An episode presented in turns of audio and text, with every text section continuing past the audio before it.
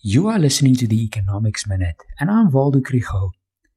If you are one of the regular listeners to this podcast, you know that inflation in the US is a major topic.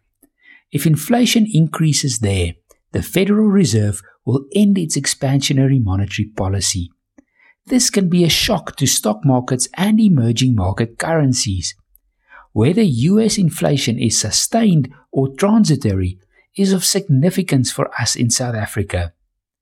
It now looks like they are experiencing sustained inflation. Rising consumer spending has clashed with supply chain disruptions, and the result is that prices, wages, and rent have started to increase.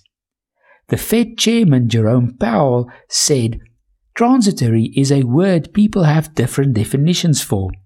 We took a step back from transitory in this statement to show uncertainty.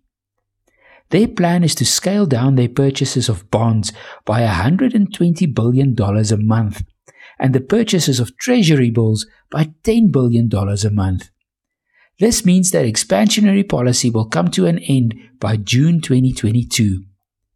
It's not at all clear when this will lead to increasing interest rates, but the prices of US money market derivatives indicate a 0.55 percentage point increase by the end of next year.